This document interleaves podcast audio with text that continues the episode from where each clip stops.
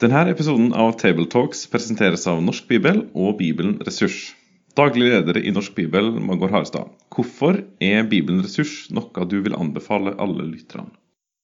Fordi det er den største ettbinds studiebibel på norsk, og ifølge en bibellærer vår tids beste hjelpemiddel til bibellesning og bibelstudium. Det var en bra anbefaling. Takk for det. La oss lytte til dagens episode.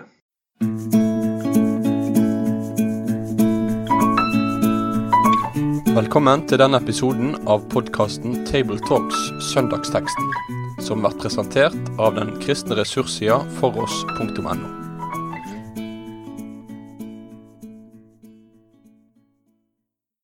Da vil vi ønske velkommen til en ny episode av Tabletalks.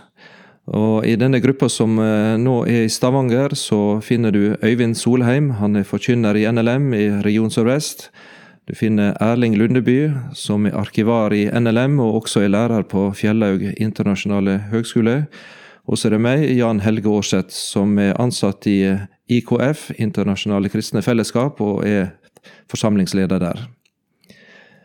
Denne søndagen så er det en tekst fra Matteusevangeliet, kapittel 8, og vers 14 til 17. Og da skal vi lese det i Jesu navn. Da Jesus kom inn i Peters hus, så han at hans svigermor lå til sengs og hadde feber. Han rørte ved hennes hånd, da forlot feberen henne, og hun sto opp igjen og tjente ham. Da det var blitt kveld, brakte de ham til ham mange som var besatt av onde ånder, og han drev åndene ut med et ord. Og alle som var syke, helbredet han, for at det skulle bli oppfylt som er talt ved profeten Jesaja, som sier, han tok på seg våre plager og bar våre sykdommer. Himmelske Far, nå ber oss om velsignelse over samlinga her og lys over ditt ord. Herre, gi oss du klare tanker og åpenbar deg sjøl for oss i Jesu navn. Amen. Ja, Nå møter oss eh, altså Peter og eh, Jesus som er i Peters hus. og det Huset til Peter det er vel eh, faktisk eh, bevart fram til i dag. Er ikke det slik? Dere, hvis har dere sett det? Ja, har sett det i, i Kapernaum. Var faktisk i Kapernaum i sommer en tur, så, så har sett det, ja. Eh, og denne Kapernaum, denne plassen som eh, da altså Peter hadde sitt hus, og der også Jesus flytta, hvordan er den plassen, og hvordan kan vi beskrive den? Det ligger jo på nordvestbredden av Galileasjøen og er ja, Det var en by som var, var, preget av fiske og jordbruk, og var et, et, et, eh, knutepunkt i regionen for både salg av fisk og jordbruksprodukter. Og de fleste holdt på med fiske og jordbruk. Eh, og så I dette, denne byen så møtes da Jesus her. Da er det vel ikke akkurat det som er Jesus sin heimplass, eller hvordan skal vi se på det? Han er nå vokst opp en annen plass. Vi lærer jo i eh, evangeliene at Jesus var født og vokste opp i Nasaret. Og hadde sin på en måte første opptreden i gåseøyne der, men flytter seinere til Kapernaum. Og ser ut som har hatt det som en slags base, uh, uten at en vet uh, om det var knytta til et hus, eller om det var ut ifra f.eks. Peters hjem der. Men eh, han kom tilbake til Kapernaum og omtalte det som eh, hjemme i, eh, utover i sitt virke. Nå nevnte du Nasaret. Det var vel første Betlehem som han kom til og ble født. og hadde en runde om Egypt og, og før han kom til Nasaret. Nasaret ligger nå i fjellene i Galilea, oppe i høgdene, mens da Kapernaum, som vi kom til her, det, det ligger nede i ei, stor sånn eh, geologisk gryte, der Genesaretsjøen, som eh, ligger vel på nesten 200 meter under havet, tror jeg. Eh, og klimaet der er vel ikke som på Vestlandet i Norge, tror jeg. Iallfall når jeg var der i sommer, så kunne det være veldig varmt. Den dagen vi var ved Genesaretsjøen, så så vi tallet 43 på gradestokken. Så det gjorde at vi orka ikke alt, rett og slett. Og det er jo litt Uh, gir jo litt perspektiver til det vi leser her, da, hvor uh, det var en sabbat. Jesus hadde vært i synagogen, og så kommer hjem til, til Peter sin familie. Uh, men så er det i kveldinga, da, når sabbaten er slutt, at de kommer med de syke og, og, og sånt. Og det har kanskje noe med at det var for varmt midt på dagen å komme med de som var syke og skrøpelige. Men kanskje òg at sabbaten var over. Ja, jeg tror noen av oss som er i gruppe her, har opplevd å ha feber i tropiske strøk. og er, En blir veldig slått ut. Det, det, det går ganske fort. så Svigermor til Peter hun var nok eh, ikke så veldig sprek eh, når, når Jesus kom til henne. Samtidig som jeg så en kommentar peke på at uh, du legger deg ikke ned for en liten ting når du har storbesøk. Så hun var nok skikkelig syk. Det var ikke bare sånn uh, 38, liksom. Det var en, en, en, en feber som virkelig uh, Det var en, skikkelig sykdom. Vi skal ikke ta det som å hadde litt feber. Nei, jeg tror, jeg tror, det er et poeng. For jeg, som liten gutt så tenkte jeg at uh, det var litt feber hun hadde, og at, at Jesus òg hadde omsorg for det. Men uh, når jeg har vokst til, så har jeg lært at svigermødre de legger seg ikke ned for et godt ord for en liten feber. Hadde det vært et mannfolk det sto om, så kunne jeg heller sett at det var kanskje litt feber, men Nei da, så hun var nok ganske sjuk, ja. Eh, og så får vi da oppleve i eh, denne teksten fra Matteusevangeliet at eh, Jesus han ser til Peters svigermor. Og han griper da inn, og han rører ved hånda hennes, og hun blir frisk. Feberen forlot henne. Og da blir hun så frisk at hun rett og slett står opp og går i virksomhet med en gang. Hun står opp og tjener, han står der. Da setter hun i sving på kjøkkenet, og da begynner hun med sine aktiviteter. Og, og, så hun er på en måte tilbake. Hvordan skal vi tenke om en slik Eh, beskrivelse og en slik hendelse som er her? Hva er det som ligger i det? Nei, altså, for det første så jo, bryr Jesus seg om eh, hverdagslivet til, til, folk flest. Og han eh, får medynk for svigermor til Peter, og, og, og, helbreder henne, kommer henne til hjelp. Og så vil jo hun tjene han òg. Eh, men allerede her tror jeg vi må si at uh, med dette så viser Jesus noe om hvem han er. Og det er det som på en måte uh, er betegnende for det som skjer her. At han gjennom denne helbredelsen og de helbredelsene som følger på, så viser Jesus at han er Messias, den lovede, den som skulle komme. Ja, for her blir det vist til Det gamle testamentet, ikke sant? I, i den, dette som Matteus. Matteus er en jøde, han kjenner Det gamle testamentet veldig godt. Og så uh, knytter han det opp til det som står i, uh, hos profeten Jesajas. Uh, hva ligger det i denne profetien, og hvordan skal han tenke omkring det? Jeg syns det er veldig interessant å legge merke til at måten Matteus strukturerer evangeliet sitt på, så er det ganske sannsynlig at bergprekenen, der er Jesus som en slags Moses en slags ny Moses som eh, taler ifra fjellet og, og gir eh, Det nye testamentets lov, kan du si. Eh, så kommer han over i kapittel åtte her, hvor det er tydelig et annet fokus. Flere helbredelsesgjerninger som blir gjengitt. Og, og, og, og Matteus tolker det inn i Esaias 53, hvor Eh, det at eh, den lidende tjener tar våre sykdommer på seg, det er en del av det som Messias skal gjøre. Så jeg, jeg tror vi skal uh, bruke mer tid på å reflektere hva det innebærer. Du brukte, Øyvind, i det du har uh, snakka om på forhånd her, at det er Messias tegn. Du kan gjerne utdype det, for det syns jeg var en, en, en flott inngang. Ja, altså Eh, I, i, i Lukasevangeliet så, så, så har en, eh, kan en følge i kapittel 4 i Lukasevangeliet, hvor Jesus i eh, Nasaret har sin så å si innsettelsespreken. Hvor han leser fra Jesaja 61 om Messias og Messias gjerninger som det skulle komme, hvor det skulle stå at lamme skulle gå, blinde skulle se, og evangeliet forkynnes for, for fattige.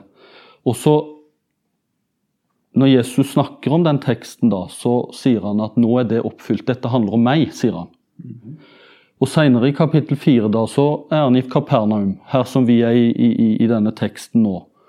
Eh, og da realiseres disse messiasgjerningene idet Jesus driver ut onde ånder, helbreder syke og antageligvis òg blinde, selv om det ikke står akkurat der hos uh, Lukas. Uh, men på en måte så oppsummerer jo det Jesu liv og virke. Han forkynner, og han helbreder og driver ut onde ånder. Eller som Peter sier i talen i Kornelius sitt hus, at Jesus fra Nasaret ble salvet av Gud med hellig ånd og kraft, og han gikk omkring overalt og gjorde vel og helbredet alle som var underkuet av djevelen, for Gud var med han. Og Med det så viser han at nå er Messias kommet, nå er Guds rike kommet. Det var jo det han også eh, sa at Johannes' disipler skulle fortelle ham. Mm. Johannes spurte er du den som skal komme, eller skal vi vente en annen. Så sier Jesus gå og fortell ham at eh, Messias-gjerningene mm. er i ferd med å gå i oppfyllelse. Mm. Det var svaret. Jeg tror det er en nøkkel til å, å forstå iallfall deler av teksten her. At eh, det er en eh, Vi ser i praksis hvordan Jesus eh, opptrer som Messias. Og det Her er det Peters svigermor som får være den som opplever helbredelse. Men det skulle bli flere. Mm. Men så er det da et, et smertefullt spørsmål, som en møter i alle sammenhenger hvor langt ut går den helbredelsen? Eh, ble alle som kom i nærheten av Jesus, helbreda? Og gjelder i dag? Men vi kommer kanskje mer tilbake til det. Øyvind han har eh, arbeidet litt ekstra nå med denne teksten i forkant. og eh, Du henviser til Johannes apostelen også i sitt evangelium. Så bruker han litt spesielt ord om, om dette ja, han viser, Johannes eh, sitt evangelium har han bygd opp veldig tydelig for å vise at undrene, helbredelsene, er tegn som viser, peker på han som Messias, som frelseren, og at helbredelsene sikter på troen, at vi skal tro på han. Og han avslutter jo så å si Johannes-evangeliet i slutten på kapittel 20 med, fra vers 30 med å si også mange andre tegn gjorde Jesus for disiplenes øyne. Tegn som det ikke er skrevet om i denne boken. Men disse er skrevet for at dere skal tro at Jesus er Messias, Guds sønn, og for at dere ved troen skal ha evig liv, skal ha liv i hans navn. Og, og det går jo i tråd med det som Matteus her skriver om at når Jesus helbredet svigermor til Peter og drev ut under ånder og helbredet syke på kvelden, så oppfylte han Messias-profetien i Jesajas 53. Han viser at han er den som skulle komme, og han ønsker at vi skal tro og følge han. Det er på mange måter det viktigste i, i, i dette som skjer, tror jeg. Erling, du var inne på dette spørsmålet, dette med, eh, med, med Jesu vitnesbyrd og Jesu gjerning og helbredelse og uh, vår situasjon i dag, altså i Den kristne kirke. Uh, hvordan har de, de kristne og Den kristne kirke tenkt omkring helbredelsen? Ja, Vi kan jo begynne med den fortsatte historie som vi har i Bibelen. en var frimodig og Eh, ba til Gud for de som var syke, og opplevde jo spektakulære helbredelser av og til, men andre ganger ikke.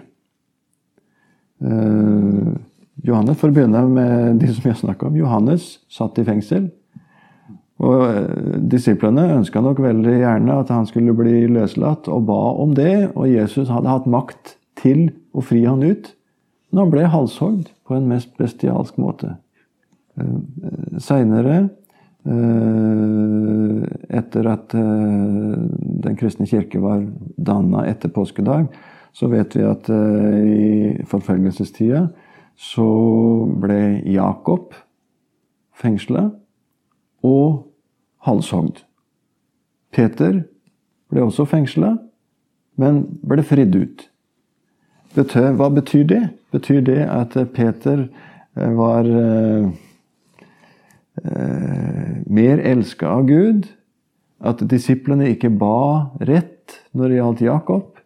Eh, jeg tror det er eh, grunnleggende feil å eh, tenke seg at det gikk på noe som ble gjort feil. da. Det var ikke Guds plan at Jakob skulle bli fridd ut av det fangenskapet. Og det tror jeg de aksepterte. Det var sårt. Og så gleda de seg over Peter. Men så kom det en dag da han ikke ble fridd ut. En led martyrdøden. Og så kunne vi ramse opp en rekke bibelske eksempler på der hvor sykdom og smerte og nød følger evangeliets budbringere, eh, og har gjort det i hele historien. Mens av og til griper Gud inn eh, til, til eh, vår store glede og overraskelse og snur det som ser ut til å være et sykdomsbilde eller en, en, en stor nød.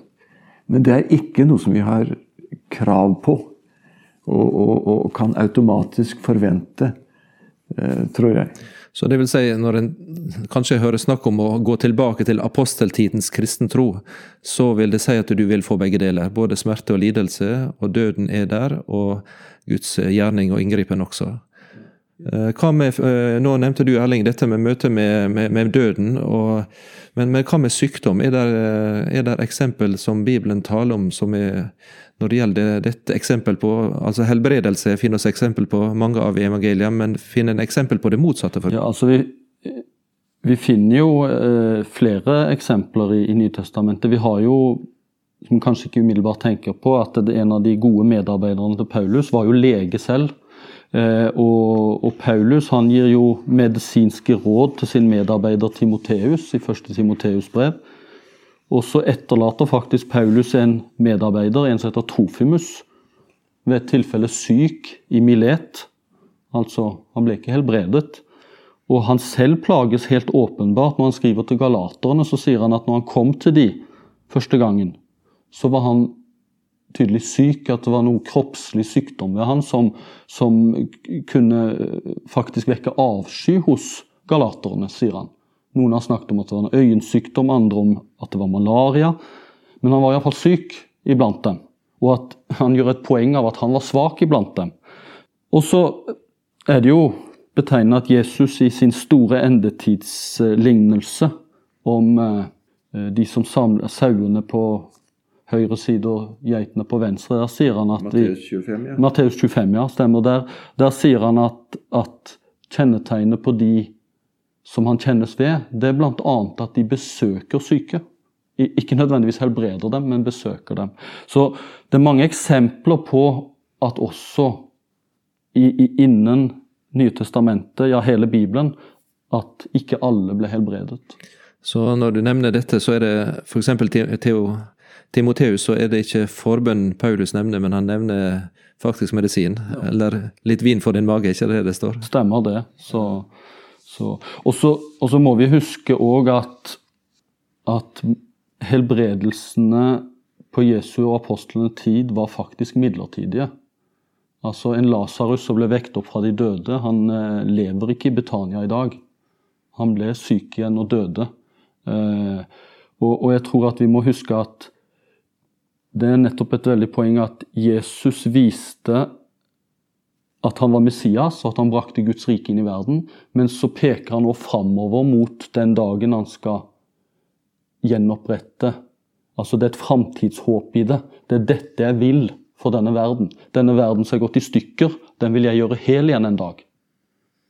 Uh, og i forhold til det med helbredelse, så er det en som har sagt Jeg syns det er litt fint sagt for å snu litt på hodet på hvordan vi ofte tenker. Jesu helbredelser er ikke overnaturlige mirakler i en naturlig verden. Det er de eneste sanne, naturlige ting i en verden som er unaturlig, demonisert og såret. Altså, Guds opprinnelige skapervilje var at vi skulle ha det godt, men så kom synden inn, og sykdom og lidelse og død. Så når Jesus kommer inn, så åpner han vinduet inn imot så å si dette er Guds opprinnelig vilje, og dette vil jeg òg en gang gjenopprette og helbrede og gjøre helt igjen. Eh, jeg tror nok eh, de fleste av oss som har i møte med dette som har med lidelse og sykdom å gjøre, står over også for det uforklarlige. Altså det, der en ikke har svar og ikke har løsning når det gjelder Guds vei og inngripen. Eh, så det er vel viktig her at oss i forkynnelse og som kristne holder fast på både at Gud er underets Gud, det er Bibelens vitnesbyrd fra A til Å. Eh, og samtidig at hans visdom og hans mål ikke er livet her, men et, et framtidig evig rike, eh, der alt dette er borte. Det er klart, jeg tror vi skal vokte oss vel for å eh, være så skeptiske, eller komme i skade for å snakke ned eh, muligheten for helbredelse. Eh, det har jo vært også et synspunkt i, i en del eh, av kirkens historie at helbredelse det var noe som skjedde i kirkens første tid. Eh, men det var liksom kjennetegnet ved aposteltiden. Og så døde det ut. Det har en teknisk term som heter cessation. Cessationalism, tror jeg, på engelsk. Men, men det må vi legge bak oss. Fordi Gud kan gripe inn. Men så har du en, en, en motsatt fløy, som da mener at sykdom det er en del av evangeliet. Og det kan vi nærmest ta ut, nesten som du kan ta ut på en minibank. Du har en stor konto, og der kan du ta ut helbredelse fortløpende. Og gjør du ikke det, så er du egentlig eh, litt eh, redusert i din tanke, for du benytter deg ikke av alle de ressursene som Gud har gitt deg. Eh, jeg er ikke sikker på, jeg vil formulere meg i forsiktig ordelag, at det er en rett gjengivelse av den virkeligheten vi ser i Bibelen. Eh, men sånn som jeg har forsøkt å peke på her, Gud av og til griper inn, av og til gjør han det ikke. Og I sin visdom. Og det må vi leve med. God helse er ingen rettighet. Eh, det er en gave. Og hver dag er en gave. Eh, nå I helga så var jeg på Fjellhaug på et seminar som var knytta til kristen tro og islam. Eh, og Der var det besøk av ei som heter Ida Glazer. En eh, engelsk professor knytta til Oxford, som har lang bakgrunn som misjonær også i, i, i, i muslimsk sammenheng. Og Hun hadde en livshistorie som hun delte med oss, knytta til dette med traume og smerten og lidelsen. Eh, hun sa det, den gamle dama, at Bibelen er full av lidelse. Full av beskrivelse av det. Og den som stiger fram som vår bergingsmann og frelser Jesus, han er nå nettopp den som har den sterkeste erfaring med lidelsen og smerten. Eh, med, med, med, den gåte som det er i møte på hans egen kropp, og de sår som han eh, fikk. Eh, slik at vi har en Gud som forstår hva lidelsen og smerten er, og også hva sykdom innebærer. Hvis dere får anledning til å høre opptak eller kommer over noe på nettet av Ida Glazer knytta til traume, så vil jeg absolutt eh, opp, opp, in, altså oppmuntre dere til å lytte til hennes livserfaring, for hun har en livshistorie som setter sånne tanker om en, en lykke og eh, altså helbred veldig langt unna eh, sitt liv og tjeneste. Var en ting jeg la merke til når jeg leste denne teksten som jeg, jeg syns er litt betegnende og litt interessant. Det er at det står ingenting om tro i denne hendelsen. Eh, av og til så snakkes det mye om, om troen og helbredelsen. At en eventuelt har for lite tro eller for mye tro. Men her, i, i, i, i forbindelse med svigermor til Peter og de som kommer, så står det ikke noe med tro. Kanskje snarere at de kommer i tro, altså troshandlinger. Men, men det er flere steder at det ikke eh, egentlig nevnes eh, troen. Og i et par tilfeller så Eh, i Johannes 5 og Johannes 9, hvor det er en lam og en blind, så virker det som den lamme og den blinde nesten ikke vet hva som skjer, hva Jesus utsetter det for dem for. Helbredelse, altså. De skjønner det ikke før de er helbreda.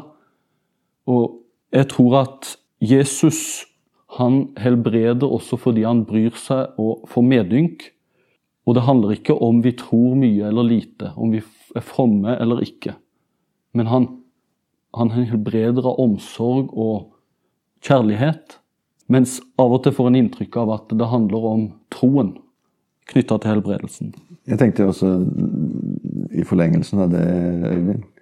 Eh, det er jo mange vitnesbyrd om ikke-kristne, ikke-troende mennesker som har opplevd en, det som må beskrives en guddommelig helbredelse.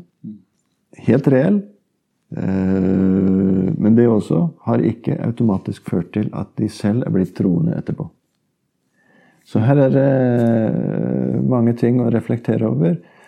En ting som jeg tenkte vi skulle har vært litt viktig for meg å, å tenke I, Når vi har et for sterkt fokus på helbredelse, så mister en muligheten til rett og slett å forsone seg med vår egen skrøpelighet og det faktum at jeg må dø en dag. Jeg må bli så syk, eller det må skje noe med meg som gjør at jeg dør. Jeg kjenner en, en, en enkemann som hadde en veldig sår eh, historie å fortelle fra sin kones dødsleie. Hun eh, sleit med en alvorlig diagnose i elleve år og kjempa og kjempa og kom seg tilbake til livet eh, gang etter gang. Og eh, fikk en, en, en, levetid som var mye lenger enn det som var stipulert. Men baksiden av det var at hun ble aldri forsont med det at 'jeg kommer til å dø en dag'.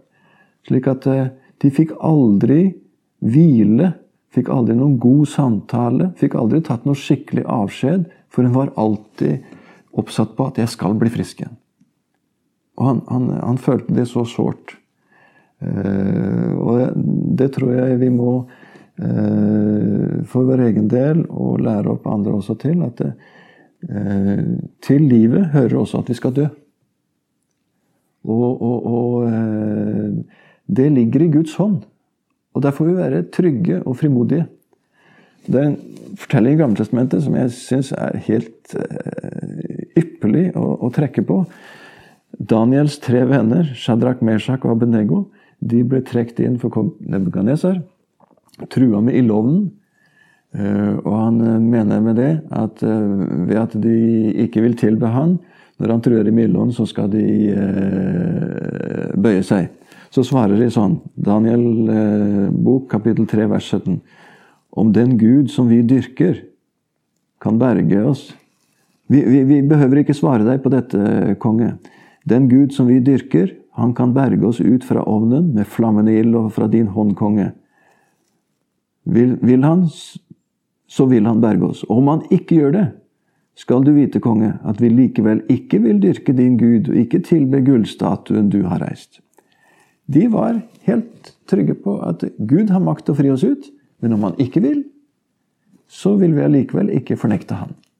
Det overlater vi til han. Så går vi døden frimodig i møte, om det er det Gud vil. Og Det er en veldig trygghet i et sånt vitnesbyrd. Eh, møte med livskrise og sykdom og også døden at nå, Herre, overlater jeg saken til deg. Legg det i dine hender, du gjør som du vil. Du har makt til å berge og redde, men eh, du er ansvaret.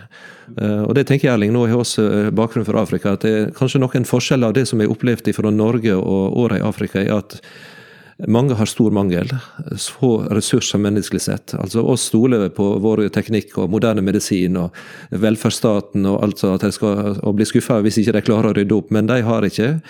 Og så opplever vi oss da, at, av de kristne som jeg har levd hos, at de kanskje i smått og stort legger det i Guds hånd på en spesiell måte. Jeg ber Herre at nå må du sørge for oss. Og så opplever de at Gud griper inn og, og gir Gud ære. når de gjør det. Og de opplever kanskje da på en måte å se eh, Selvsagt ikke at alle blir friske og at alle får det godt, men de opplever at de i møte med sykdom og, og, lidelsen og døden også, at det, ja vel, Herre, da er det i de hånd alt, slik som du er den beste. Jeg lærte ikke i Kenya hvis du er syk, så blir du frisk igjen. Men hvis Gud kaller deg hjem, så dør du. Men jeg tenkte vi skulle, Det der med å akseptere lidelse, det, det kommer jo til oss også på andre måter. F.eks. i andre Korinterbrev så sier jo Paulus det. Lovet være Gud, vår Herre Jesu Kristi Far, den Far som er rik på barmhjertighet, vår Gud som gir all trøst. Han trøster oss i all vår nød, så vi skal kunne trøste dem som er i nød, med den trøst vi selv får av Gud. Paulus' liv var eh, utrolig mye vanskeligheter og, og, og, og lidelser og sykdom, som du har hørt. Om vi har rikelig del i Kristi lidelser, får vi ved Kristus også rikelig trøst. Lider vi nød, er det for at dere skal få trøst og frelse. Og så kunne vi fortsette å lese. Men poenget er at eh, den er på en måte i en slags Guds barnehage enda, som ikke har del i lidelse, motgang og vanskeligheter. Og det, det, det må vi ta inn i vår forkjennelse Og det berører også da eh, sykdom og muligheten for helbredelse, ja, men også muligheten for at Gud ikke vil gripe inn. Uh, nå har du, Øyvind, dette med denne holdninga til dette. Hvis jeg bruker Jesus som eksempel, møtet med det smertelige og lidelsen og, og også døden. Uh, hva holdning møter oss hos Jesus sjøl? Ja, Jesus uh, kjente òg helt på kroppen når han var menneske, som altså frykten og redselen for lidelse og smerte. Og i, i Getsemane så kjempet han jo med Gud om å få slippe lidelsen og døden som ventet han. Men, og det ba han frimodig om. Men, men han, han underga seg òg Guds vilje. Han sa, 'Men ikke som jeg vil, bare som du vil', sa han til sin far. Og så står det til og med at i hebreerbrevet at, at han ble bønnhørt for denne bønnen. Men han måtte jo gjennom lidelsen og døden. Så Jesus var vel kjent med både lidelse og smerte eh, og sykdom. Og, og, eh, men han la seg i, i, sin fars hender. I sin fars gode hender og sin fars gode vilje. Eh, kan en ut ifra en slik bibeltekst og en preken som en skal ha ut for det, altså dette med å ikke tale dette ned, men løfte fram og gi frimodighet til møte med å legge alt i Jesu hender og be for hverandre også i møte med sykdom. Jeg kan, kan tenke at det kan, er viktig å få fram. At en legger i at du, Jesus, nå må du ta ansvar for dette. Jeg syns det er eh, veldig bra sånn som de har praktisert i IKF. Dersom jeg, eh, og du er nå også. Hvor de oppfordrer folk til å komme med bønnebegjær. Og så kan de i fellesskap be konkret for problemer som en har.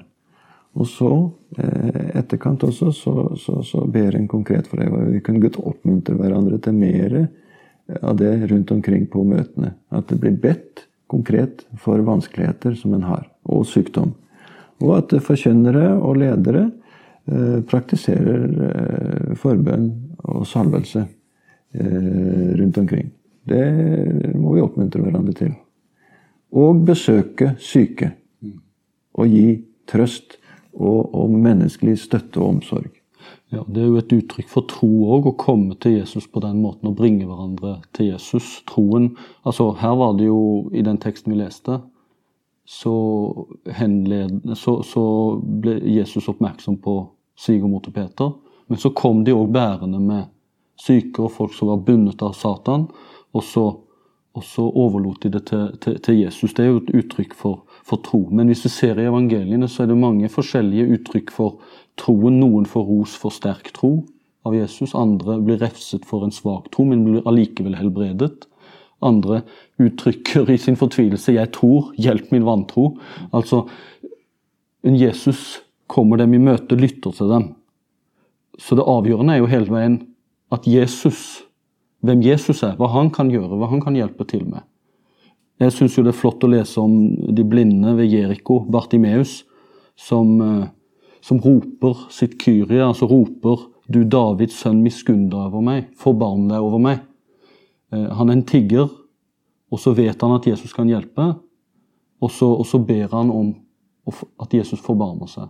Altså miskunn og barmhjertighet og nåde er jo synonymer for at vi behandles ikke etter hva vi har fortjent, men ufortjent.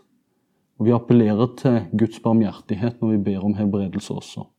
Herre, vi takker for at vi skal få lov til i sykdom, i vanskeligheter, i ulike eh, lidelser som eh, møter oss i livet, kan få komme til deg med det. Og i, med, med frimodighet be om at du må komme inn i våre liv. Og så opplever vi av og til at eh, det snur seg på en underlig, mirakuløs måte. Og så takker og priser vi deg for alle de gangene vi har fått oppleve det. At uh, du uh, overrasker, og du snur ting som så så uh, vondt ut, til noe annerledes og godt nå. Og så får vi noen år til til låns. Men gi oss også å, å bli fortrolig med på grunnleggende vis at livet her er slutt en dag, og vi skal dø. Og at det er en forløsning til det himmelske. At eh, da vel, når vi kommer hjem, så skal alt være gjenoppretta. Og hjelpe oss til å, å, forberede hverandre og forberede oss sjøl på at en dag skal eh, livstråden kuttes, som det heter. Så ber vi om at vi må forkynne dette her med frimodighet og, og, og styrke, og at vi kan være hverandre til trøst og hjelp og oppmuntring for de som opplever sykdom og lidelse rundt omkring i forsamlingene våre. I Jesu navn. Amen. Med det sier vi takk for følget for denne gang. Finn flere ressurser, og vær gjerne med å støtte oss på foross.no.